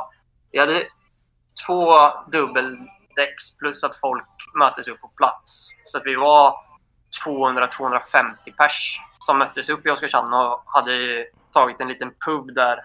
Så vi, det var ju pubsamling och allting i Oskarshamn också. Mm. Så hela, hela dagen är ju jävligt lyckad om man får säga så. Och sen så gick det ju lösa rykten om att det var folk som hade med sig pyro. Och jag som själv är med i tifo-gruppen hade ju planerat, alltså inte något större, det var mest ett flaggtifo. Så jag och en till under matchen, eller innan matchen, vi, vi försöker ju liksom sno på oss att vi kan få lite tid att få upp för alla flaggor. Eh, och för de som har varit på hockeyarenor vet att eh, säkerheten är enormt, eh, ska man säga, ja, lite töntig om man säger så. För de ville, kolla- jag hade med mig 150 flaggor tror jag. För folk som var, ja, vi var 200, 200 ungefär. Så det är ganska mycket flaggor att gå igenom. De ville gå igenom varenda flagga för att kolla i varenda rör Rulla upp varandra flagg. rulla upp allting och se om vi hade någon pyroteknik i rören. Vilket jag, ja, jag gjorde det såklart eftersom jag ville komma in på läktaren så fort som möjligt. För att det hade ju blivit ett jävligt fett flagghav om vi var... Om det var Nästan hund- en flagga per man. Ja, det var nästan en flagga. Vilket hade blivit jävligt fett. Men under tiden som jag, som jag håller på att få upp alla flaggor så rycker en, eh, en megaflagga försvinner. Om vi säger så. Eh, vilket leder till att eh, folk gömmer sig under och sen så droppas det väl ett tiotal minst pjäser på, på läktaren. Där det blir... Ja, alltså det är ju... Det är inte många som kan mäta sig med det på, i hockeysammanhang. Nej, alltså bengaler inomhus, vi, jag kommer inte fan vilket avsnitt vi var, vi pratade om det. Ni pratade om det i Luleå vet jag. Ja, men det, det var nog eh, i Luleå-avsnittet där vi pratade lite. Det är snyggt inomhus, men det är Ja. rörigt och Ja, det, blir- tar inte blir vägen väl- någonstans ja, liksom. eh, Oskarshamns arena är ju ganska omodern. Den är, den är lite som Stångebro. Den, är- den, påmin- den är en liten variant av vår egna gamla arena. Mm, Eh, mm. Så, så deras eh, brandlarm går ju väldigt fort, vilket gör att alla måste utrymma. Mm. Och det är ju där det, det blir lite... Ja. Där, har, Det- där har vi försökt... eh, Det, Då, då, då, då säger jag vi för att det var så det var. Eh, Vi blev ju, alltså, enligt alla. enligt alla så vart det, det vart ju White Lion som fick stå till svars för allting. Och Oskarshamns-supportrar tyckte att vi var dumma i huvudet. Och Hockeymördare. vi var ja, hockeymördare tydligen. Vilket går att diskutera. Här dör hockeyn. Ja, ja, men lite så. Ja. Vi blev själva... Vi fick flaggförbud efter det och OH-förbud. Eh, vilket också går att diskutera då. Någon person blev ju själv tagen och eh, fick avstängning för det. Så Mm. man kan ju tycka att borde inte ett kollektivt bestraffning vara, vara på bordet. Men vi fick dubbla bestraffningar om man säger så. Mm. Men Det, Eh. det har man väl lärt sig det här med kollektiva bestraffningar. Det, det är polisens metod. Det är det, är det de tycker är rimligt. Det kommer man Ja. väl inte u- Ja. undan ifrån dessvärre liksom. Ja, ja men det, är- det är ju så. Ja. Och det Ja. som var lite olyckligt i, i vårat sammanhang var ju att vi, vart ju, vi fick ju inte informationen innan och fick inte svars eh, innan beskedet kom. Ja, alltså efter det här var det ju tal om att vi skulle börja visitera resan på våra bussar. Det har vi inte ens laglig rätt till. Och det har varit ett, ja, det varit ett jävla liv. Men Det Mm. hade eldats lite i Karlstad säsongen innan. Vi, vi, Alltså- vi ska ju vara ärliga med att det har, det har eldats en del genom åren. Vi kommer Eh, komma in på det, så vi ska inte fastna så mycket. Vi, Nej, vi, okej. vi har det på agendan här. eh, Inom, eh, efter Away Day så ska vi prata lite om det här med att det eldat. Jag tänker så här, Själva- vi, vi, ja, eller kör färdigt Nej, där men alltså. Själva resan eh, Oskarshamn var jävligt lyckad, även om... Eh, alltså det, många kanske tror att, eh, alltså, att det där skulle förstöra någonting. Mm. Men eh, eh, vi på läktaren var ju... Alltså, säga, det var ganska... Det var toppklass om man säger så. Eh, Mm, mm. Vi, var, vi, vi hade den arenan ganska enkelt. Mm. Vilket de inte tyckte om heller. Så efter det, så bara att scrolla lite på Twitter så tycker inte Oskarshamns-supportrar, de gillar ju inte oss. Ja, men det är ni väl vana vid hörni grabbar? För Jajamän. fan. Ja, jag, jag, jag älskar det som sagt. ja, nej, men det är det jag menar. Men Det- var, ska- det var liksom en arena, en bortamatch. Det var ett lag. Check. Ja, ja men det, det är fint, det är fint. Vi ska studsa vidare där också. Ni, Niklas, du har skrivit upp två bortamatcher och nu, här är väl egentligen eh, första gången riktigt som vi får, får lite skillnad på eran, eran åldersskillnad. Du Jakob, du har eh, två matcher som en var tre eller fyra år sedan, en förra säsongen. Nu ska vi, eh, vi kan väl börja med, eh, vi tar det i någon kronologisk ordning och åker till eh, Hovet alternativt Globen 2005. Berätta om den, Globen till och med. Berätta om den. Alltså vi har gjort ett par invasion Globen, 98 AIK tror jag och sen 03 Djurgården. Bådas, ja, alltså AIK där 98 var ju, det var 52 storbuss plus bilar. Helt sinnessjukt. Det var före min tid. Mm, Eller före min resandetid så att säga. mm, Jag tror det var 8000 på läktarna mot AIK där och bara 4 500 var Linköping. Helt magiskt. Det är typ Mm. sånt Leksand kan göra ibland. mm, ja, de har ju också, vi pratade om det i Leksandsavsnittet, så här 40 bussar det. från Leksand liksom. Ja, Då kan man ju säga att det det- ens 40? Nej, det är Nej. ju inte från Leksand om man ska dra det så. Nej, Nej. nej, nej. Det kommer från hela Sverige. Ja. Ja, verkligen. Men, men i alla fall eh, 03 där så var vi, och vi vann mot Djurgården och sen så gjorde vi en sista invasion Globen och det gjordes någon hemsida och jag är inte eh, insatt i vem som höll i den på något vis. Men på den sidan fanns det något form av forum. Eh, vi pratade om kategori C-supportrar förut och eh, på den tiden var det ju eh, då det växte. Även, även fanns det ju extrema mängder kategori C-supportrar i Stockholm på den Mm. tiden. Eh, Mm, varav då, dåvarande Djurgårdens fina grabbar såklart väldigt kända i, i kretsarna i Sverige. Eh, mm, Och eh, det skrevs någonting på det här forumet om att vi skulle upp till Stockholm och visa Djurgården läktarvåld går till, eh, ta någonting. En AIK-ramsa för övrigt, eh, de Ja. orden. Fint. Ja, så det kan varit en gnagare som skrev det där. Ja. Eh, och det är helt oskyldiga.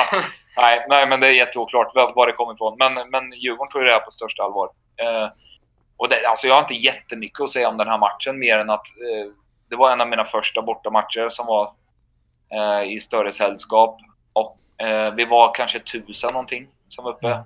Globen hade spärrats av totalt. De, eh, jag tror de bara gjort det i derby mot AIK förut. På det viset som jag fick berättat för mig då. Vi står i kö. Det var solsken. Det var så dags på året så, så var det gött väder, kommer jag ihåg. Och vi står i kö, blandat barnfamiljer. eh, Ja, väldigt blandade kategorier av människor. Och eh, i den här sidolängan av långsidan av Globen eh, Mm. så ser jag att det kommer eh, ett ja, 80-tal kraftigt byggda herrar eh, på väldigt kort tid eh, som samlar sig och går mot oss den här ingångsgatan. Vi är helt oskyddade verkligen. Det är ingen ordningsmakt på plats överhuvudtaget. Förutom de som står vid entrén. Det började, ju, man börjar ju skaka lite såklart.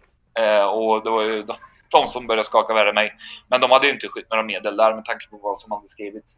Eh, sen 30 meter, när de är ungefär 30 meter från kön så, så bara blåser in polisbussar från sidorna och blockar hela, hela den här grejen. Mm. Och då tänkte jag, vad i helvete är det här? Eh, är det så här att gå på hockey i Stockholm? Och det är så här, ja. Då, då ska ni gå på Eh. AIK, AIK Bayern typ såhär äh, ja. har jag 2000, eh, 2005 eller Tjugo. någonting Ja, på Hovet. Det var på AIK Bayern faktiskt, på, på Råsunda. Ja, fy, eller, jag pratar Hovet nu alltså. När, Ja, jag pratar på, ja, ja, ja, fy ja, fan, när ja. vi mötte Bayern där, de matcherna var riktigt stökiga. Det enda man stod och kollade på var så här. Du vet de här utgångarna, man stod på klacksektionen så dök det upp så åh där, fan där står det 40 bajare på fel sida av, av Ja. arenan. Då var det det man stod och kollade på, hockeyn bjöd ju inte på mycket kan jag säga. Nej men, eh, ja intressant, men ni, ni klarar er undan därifrån i alla fall eller? Ja, alltså de flesta av oss gjorde det. Jag vet en som... Eh, alltså de hade vi spärrat av. Så hade vi en liten egen bar som låg i platån under eh, ingången på, Mm. på våran övre etage där. Mm. Och det tog, in några djurgårdare och läxa upp några stycken. Eh, Mm. Men annars klarar oss... Ja, vi klarar oss väl. Med tanke Mm. på förutsättningarna. Där. Ja, jag fattar. Eh, sen har vi också, nu ska vi se, eh, ni bränner till Ängelholm tillika Rögle 2008.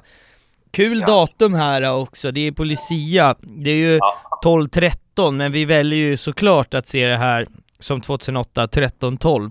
Eh, berätta om, eh, om den, eh, Ja, det, den det, resan. det är faktiskt passande siffror som du säger.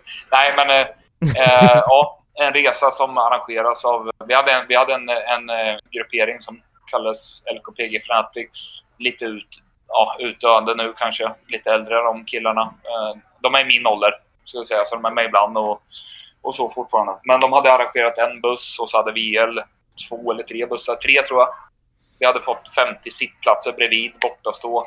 Eh, Det är väldigt mycket stökigt folk som ska åka dit. Eh, Jag själv är ganska ung. Ja, 24 istället för 36. Mm. Ser jag som relativt ung i, i mitt supportskap. Men jag tyckte det var magiskt kul. Hamnade ju på en av de stökigare bussarna. Kanske den stökigaste. Vi gör ett stopp på Harrys i Ljungby. Och Där, här kommer det lite ja, anekdoter. Det föddes en ramsa som lever kvar än idag. Harrys. Några gick och käkade kebab. Någon kom en Troy Ljungby-tröja som hängde på kebabstället. Inte kropp för att bära en tight hockeytröja eller eh, nav- naveln tittade. Sen eh, den här ramsan föddes ju. Vi, vi hade beställt mat. Jag tror fan inte att det var mer än 10-15 man som käkade om jag fattade rätt. Istället så stod vi och hoppade och sjöng den här ramsan i två och en halv timme och drack bärs. Mm. Och slutade med att golvet brakade samman totalt eh, inne på restaurangdelen. Så några av de som eh, ja, var mest vilda, de sjönk ner en halv meter ner i golvet. Var på, man hörde ju braket liksom. Just då. Och ägaren sprang dit. Sen kom han tillbaka med ett leende på läpparna. Vad fan hände liksom? Nej, golvet brakade, men det gör ingenting. Jag tror jag håller på att sälja som en lönehelg. Och det stämde ju mycket väl. Liksom. Ja men, Eh, ja, men. Så det var ju starten på den delen. Eller halvvägs ner till, till Ängelholm. Ja, ni är inte ens Så- framme här liksom. Nej, det, nej, det är fan Ljungby. Det är halvvägs. När vi kommer ner i alla fall så... eh, Sen har ju koll, de är ju med där och det, ja, det är bra alkoholnivå på den här resan. Och de håller väl koll lite på vilka som sitter på vilken buss och sådär. Eh, jag, jag vill nog påstå att våran buss var stökigast. Jag, jag själv är oskyldig. Eh, men, men de tar väl fel buss, så att säga. Om det fanns någon fel buss. Mm. Välja och eh, gå igenom med hundar etc. Eh, cirka två mil utanför Ljungby. Övriga bussar helt ovetandes om, det här, om att det här sker. Sen är det några som har valt att ha med sig lite eh, bangers, dåtida bangers, som inte alls har samma kraft som de idag. Men ändå bra knall i en gammal arena. Vad kallades de? Tigersmällare? Är det så? Ja, typ. Ja. Tig ja tigersmällare. ja. Tigerskott, tror jag. Tigerskott till och med, jajamän. Vi kom in på läktarna där ihopbökade i en, lite av en bur och märker att vi saknar några. Men så helt plötsligt så smäller det av och så smäller det av, jag vet inte om det är tre eller fyra till eh, med jämna mellanrum. Polisen, ordningsmakten samlar sig utanför läktaren. Matchen skjuts upp 20-30 minuter någonting. Och sen kommer våran sista buss upp på läktaren och bara jublar. Mm. Vad fan, mycket har vi missat? Har vi missat första? Nej. Så helt oplanerat så har det skett. Att eh, vi sköt upp matchen. Och sen fick vi höra i media efterhand att ja, säkerhetschefen där hade sagt att en smäll till och vi hade blåst av hela matchen. Mm. Men ja, det, det är en sjuk resa som leder till att, jag vet inte om det är första eller andra paus, som polisen väljer att eh, visitera samtliga som ska avstå. Eh, och det finns bara en väg att gå och, och där är ett litet rum. Och toaletterna är bakom så att säga. Du kommer inte till toaletten direkt Mm. från läktaren. De Mm. väljer att ställa sig emellan. Eh, det blir fullständig katastrof. Det finns en Youtube-film för någon som vill se som är dåtida kvalitet som Ja. heter LKPG vs Snuten. Starkt Det namn. vevas, ja, det vevas fruktansvärt slutet. Alltså till höger direkt från trappan ner så är det en korvkiosk med två unga tjejer som säger de löper ju amok därifrån. Mm. fattar att läget är. Så den här korvkiosken och hela det korvståndet tas ju i beslag av oss. Och, och vi som inte, alltså trappan är ju smal så folk kommer inte av läktaren i det här katastrofen Mm. eller kalabaliken som, som händer. Så det ställer sig en kille och langar upp varmkorv med bröd och dricka upp på läktaren. Det är typ 30-40 man som äter korv med bröd där uppe på läktaren och bara tittar på det här Ja. kaoset. Jag får göra så här, jag har inte påat i det här avsnittet, men Akta Fans podcast på Instagram och Twitter, där, eh, där lägger jag ju upp bilder och lite rörligt från, eh, från det vi har pratat om i avsnittet. Vi ska se om det jag får kolla igenom det här och se om det kan gå upp på, på, på poddens. Insta eller Twitter, men eh, i sånt fall så, så hänvisar jag er in, in dit helt enkelt så får ni eh, kika där, ska vi se vad vi kan få upp. Är det något mer som du vill tillägga från den här matchen förutom att ni, den slut, den börjar med visitation för banger, slutar med korv med bröd? Eh, alltså det är en bra sammanfattning. Ja. Grymt ja, nej, eh, otroliga resor. Med det sagt så, så tänker jag att vi ska studsa ifrån away days här och eh, Ja. det, det, som, det som ni själva har sagt eh, och det här, det, jag vill säga så här, ni har inte påstått det här när jag ställt det som en öppen fråga. Men vi var inne på det lite tidigare, man pratade pyro inne på inne på läktaren och det är ju betydligt mycket svårare i hockeyn om man jämför med mig som från fotbollen där det är utomhus så att säga. Men ni, ni, ni, vi kan ju bolla upp det. Ni skrev till mig så här. Bäst i Sverige med eld, alltså pyro? Frågetecken. Vad, vad skulle ni själva säga där? I alla fall de, alltså den ståplats där det har brunnit, inte mest. Ja, jo, kanske mest. Också, alltså att det blir, alltså de som har, eh, det har gjort det jävligt snyggt. Eh, sen, eh, Mot vårat veto. Så till. Ja, mot vårat veto. Eh, jag har inte varit delaktig i det, men det har, alltså, man har sett både filmer och videoklipp där det, alltså, det ser jävligt snyggt ut. Eh, Mm. och det ska också tilläggas att när vi... Det här är en match som jag önskade att jag gick på, men jag var för ung. Men eh, när vi gick upp till Södertälje. då, ja, dåvarande elitserien Söder, i Södertälje. Det finns ett jättebra YouTube-klipp på det. Då... Det är vår kan kanal, eller det- lokalkanal som live. Mm. De hyllar pyrotekniken. Det är så här Det är liksom... skillnaden på, eh, på dagen. Ja, men, ja. Ja, men vi, vi, vi leder med 3-2 och måste vinna matchen.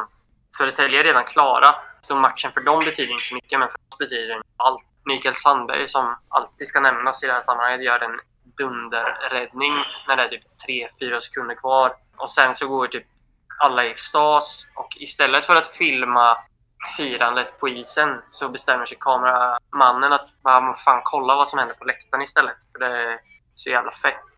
Och det är liksom flaggor, det är pyro. Folk En- hoppar in på isen. Folk hoppar in på isen. för. Alltså flyger in på isen. Alltså det är sån här, sån här glädje som man önskar själv att man hade varit på plats. Mm, Jag som mm. är yngre då. Jag tror jag dör på fläcken om jag får vara med om det. Ja, ja men alltså den... ja, men den alltså allting som händer där och då. Det är liksom så här, det är där man vill uppleva. Mm. Eh, och det är väl det man lever för nu kan man säga. Eh, och sen det här som du pratade om att bäst i Sverige i hockeysammanhang. Det har ju också att göra med att det händer ju inte så jävla ofta. Det är inte svårt att vara bra på någonting. Det är inte så att vara bra på det om man säger så. Jag vet att det har hänt, hänt någon gång i ett Stockholmsderby för, alltså, mellan Djurgården och några år sedan. Eh, Luleå har gjort det någon gång. Eh, Modo någon gång. Modo har gjort det någon eh, Färjestad har gjort det några gånger. Men annars så händer det ju inte så jävla ofta. Där är vi, alltså vi, vi har gjort det både på hemma och på bortaplan. Vi har gjort det på första ispasset. Vi, vi gjorde det några... Just det, vi hade, Fick utrymma första ispasset i Stångebro. Alltså isträningen. vi hade så här, årlig grej där att vi har eh, alltid... Eh, Jag ska inte säga vi, för att jag... På riktigt har jag varit helt ovetande. Ja, Men just ispasset, där, Ja, det, vi har- det gillar ja, men vi har sån här grej att eh, varje år så har vi ett första ispass där vi Mm. i princip fyller Stångebro ishall. Heter. Eh, och då för några år sedan var det några som fick för sig att bränna några rök. Eller bränna, säger man så? Elda rök. Ja. Eh, vilket leder till att brandlarmet tyvärr går. Och Det blev ett kort första ja, ispass. Ja. Ja. Här, vi, vi, vi började starkt. De Mm. som, eh, och, men det är det som, många gillade det ju inte. Många gillade det. Mm. Man kan säga så här, då, ingen kom till skada. Nej, men det är väl Ja, det viktigaste. man, man kan, man kan samma- sammanfatta det med att det har skett hundra värre grejer i Stångebro ishall. Mm. Ja. Folk Så här, och återigen så vill vi lägga till här att eh, det här är ju någonting som ni inte har någon som helst aning om. Ni har ju inte varit involverade i det här för fem öre. Det vill vi poängtera. Det är andra människor. poängtera. Amen, amen. Intressant också, jag tänker att ni nämnde ju Stångebro och jag tänker att vi ska vi börjar närma oss slutet lite grann, men jag vill ändå att vi ska ta Stångebro här för att ni har ju en arenaflytt. Jag eh, har missat i manus att skriva vilket år det är, men det kan ni. 2004. 2004. Och då, Första, Och då bollar jag upp den här, med tanke på ålder återigen här, så bollar jag upp den här till, till dig Niklas. Då Ja. har ju du stått på gamla och nya arenan. Ja. Berätta lite vad, liksom, vad, vad händer med LHC när ni byter arena? Nej, som jag sa förut så stora skillnaden är ju, alltså egentligen om man ska vara krasst så är det moderniteten mot, mot betongen. Liksom. Mm. Men, men eh, just för oss på ståplats så var det ju att ledande figurer valde att sätta sig ner Mm. ganska direkt. Sen var, hade ju det en schysst inverkan i, i dåvarande Cloetta Center att de satt på en ja, motsvarande aktiv sittplats bredvid klack. Men vi vart ju väldigt, alltså i Stångebro kändes som ena, ena långsidan var klack. Eh, och här vart en tårtbit i ena hörnet. Mm. Och det var den stora skillnaden att det var inte vi i fokus längre. Och det kändes ju. Eh, Det tog många år att jobba upp eh, och det ledde ju till att vi efter, jag vet inte fan vilket år vi byggde om ståplats. Idag är ju ståplats På ena kortsidan. ena kortsidan eh, hemmastå. Innan dess så låg ju hemmastå där bortastå är idag och Mm. det ligger någon form av vippbar ovanför. Vilket var väldigt... Ja, man kan säga att man hade en halv tårtbit på, Ja. på, i kurvan. Ja. Eh, vilket gjorde att Och de valde att ha spel. Så det första de gjorde, katastrof av LHC, det var ju att välja spelhåll för laget. Det var ju Mm. en anfall mot klacken. Mm. Och, och, och där var det ju en jätteschism. Alltså en superschism med Mm. LHC. Eh, ja, låg till grund för ganska mycket dåliga incidenter. Liksom. Ja. Jag har en, alltså, jag vet inte om det här stämmer. Jag har ett minne av att jag har sett bilder på Djurgården eller alltså LHC mot Djurgården, där det Ja. står folk och, och käftar mot varandra, och Ja. det är jidder verkligen, och det är bara ett plexi emellan. Är det i den nya hallen någon gång tidigt, och man kanske ändrat det, men är det här där man har klackarna bredvid varandra med ett plexi emellan? Alltså då, då hade Djurgården fått typ den klacksektion vi har idag. Ja, Vi hade kvar den här tårtbiten. ja, Eh, Djurgården hade väl inte den delen egentligen, men de klev in och, och eh, ja, De var så mycket mer än vad... De var så mycket Ja. än vad LOC själva trodde att de skulle komma med. mm, Så jag kommer ihåg, jag hade ju som sagt kort mm, och det här var ju en match, jag tror det var sista gången. Eh, Djurgården var tvungna att vinna för ett spel. mm, Eh, Så de hade ju kraftsamlat ihjäl. Det var snack liksom flera veckor innan att de, de skulle komma. De var många. Väldigt, väldigt många. man köpte upp alla biljetter de kunde i hela arenan. Eh, mm, Så de, eh, de hade ju liksom in på sidan. Utan att vara där så vet jag hur diskussionen gick med säkerhetsansvarig där och att han säger att han har full koll på läget. Sen så kommer folk till arenan och märker att det enda som de har gjort i säkerhetsväg är att sätta ett stängsel. Det var Mm. inte ett plexi utan Det var det var inget ett plexiglas, galler. utan det var ett Ja, okej. stängsel emellan. Vilket gjorde att man kom väldigt, väldigt nära. Ja men det är det som är det roliga med den här, alltså, jag har bara för mig att jag sett en video hur det står, de filmar just två pers som står, du vet verkligen så här, i varandras ansikten och jiddrar med varandra, men de kommer inte åt varandra, vilket är så roligt för att Ja. de hör ju vad varandra säger och det är precis som att du vet så här, två som står och tuppar på krogen och inom 10 sekunder så kommer första smällen flyga, men de når inte varandra, vilket är alltså så komiskt på något sätt när de står och Ja, jiddrar ja. med varandra. Det är ganska Ja. tuffa killar som är här från Djurgården då. Djurgården kom ju. Ja, ja men det, ja, ja, det, är- det är ju DFG-gubbar definitivt som, Ja. som står där och käftar, så det är inga duvungar liksom, alltså så. Men, eh, ja, ro, rolig, eh, Jag har faktiskt en rolig. liten rolig anekdot för det. Ja, Eh, som jag kan dra. Den matchen just så... Som sagt, de var jävligt många. Och eh, jag vet att LHC... De avgjorde typ när det var två, tre minuter kvar. Alltså Mm. Djurgården var som sagt... Ja. Det stod 2-2 eller 1-1 och de var, 2-2 tv- tror jag. Vi 2-2. vann med tre. ja, de var tvungna att vinna. Och LHC själva, jag, jag tror Mårten, ja, som folk vet vem Mårtensson är. Men eh, han gjorde 3-2 när det var typ två minuter kvar, vilket också blev jävla liv då när de Ja. insåg att de inte kommer spela slutspel. Och det var stökigt hela natten i Linköping. Och eh, jag Det har... finns filmer från, från eh, stationen. Ja, stationen där spårade ut totalt. Det var kravallpoliser i hela Linköpings resecentrum där. Eh, Men jag har en polare som just, eller en gammal polare som satt i sin bil med sin farsa. Och 2007, då är jag typ 13-14 år och han liknande ålder. Han sitter i sin bil på väg bort från arenan. De är så här vanliga, suttit på sittplats och bara kollat matchen. Inte liksom brytt sig om vad som hänt på läktaren så mycket. Han, eh, de sitter på vägen ut. Tre, fyra stycken eh, Djurgårdsgrabbar rusar in i bilen och skriker att de ska skjutsa dem till stationen fort som fan. och han, och farsan blir så här, ja, ja okej, ja men jag gör väl det då.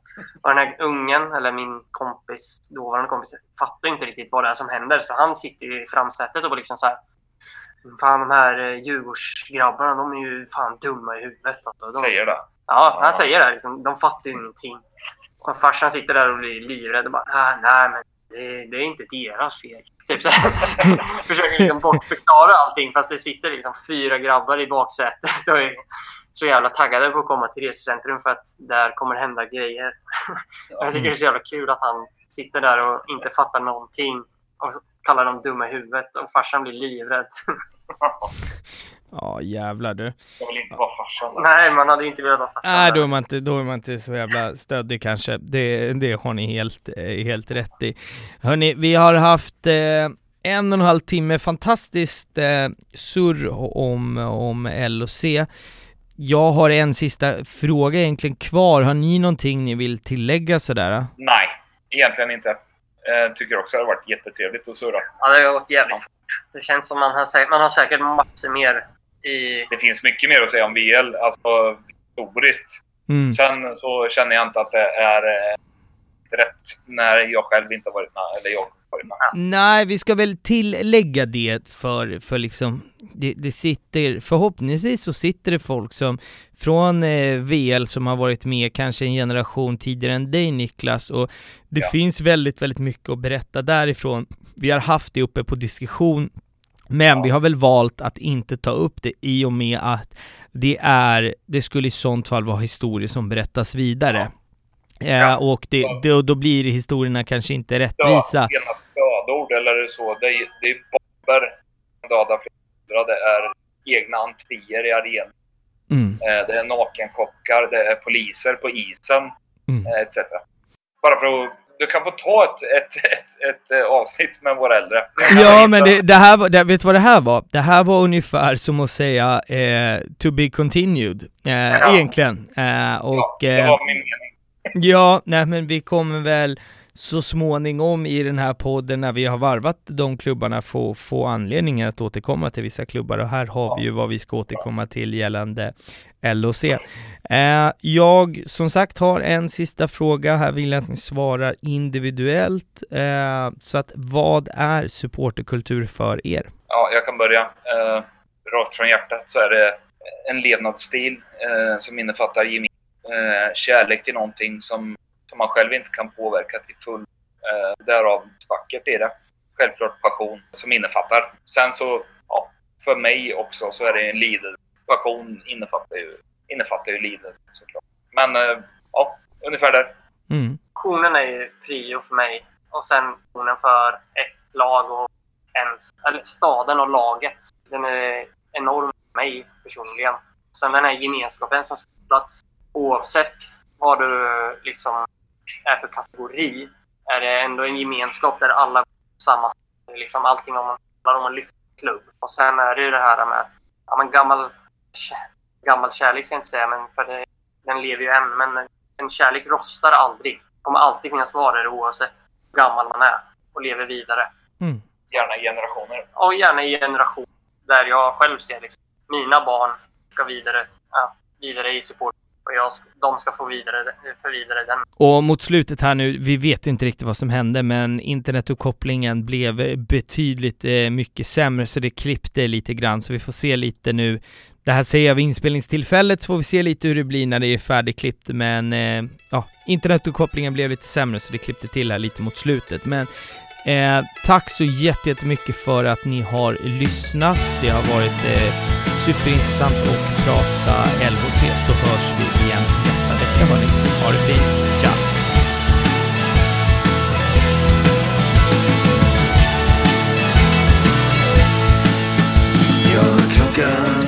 Kyrkan slå Genom Ågatan går jag och drömmer mig bort. En sömnlös betong på stadens gråa torg. Till parken där jag älskade